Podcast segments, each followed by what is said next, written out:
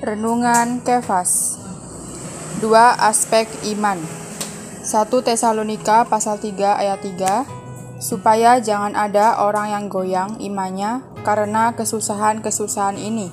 Kamu sendiri tahu bahwa kita ditentukan untuk itu.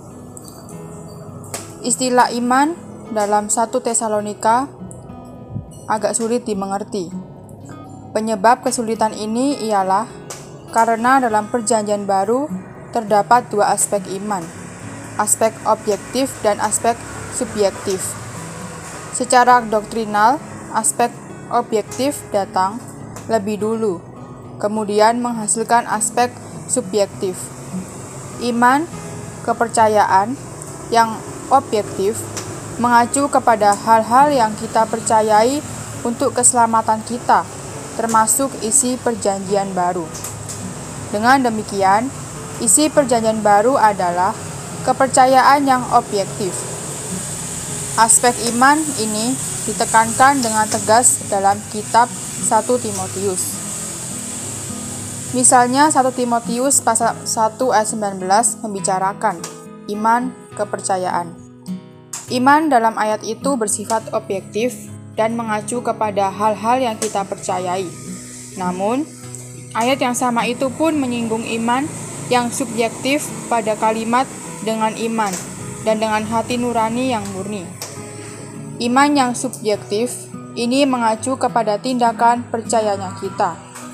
Puji Tuhan bahwa kepercayaan yang objektif ini menghasilkan percaya yang subjektif.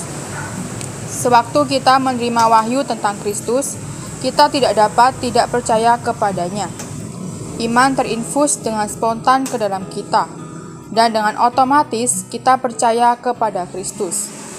Orang yang tidak percaya tidak sanggup mempercayai bahwa Kristus ada di dalam kita. Tetapi kita malah tidak bisa tidak percaya bahwa Kristus hidup di dalam kita. Di dalam kita, Dia menjadi hayat kita, jaminan hayat, dan segala kita.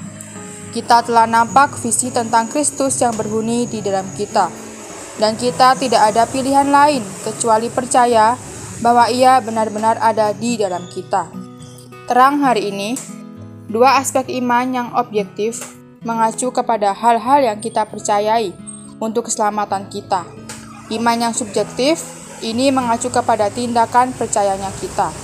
Poin doa, berdoa supaya kita belajar bukan hidup berdasarkan apa yang kita lihat, melainkan berdasarkan apa yang kita percayai. Sebab hidup kita ini adalah hidup berdasarkan iman, bukan berdasarkan apa yang kelihatan.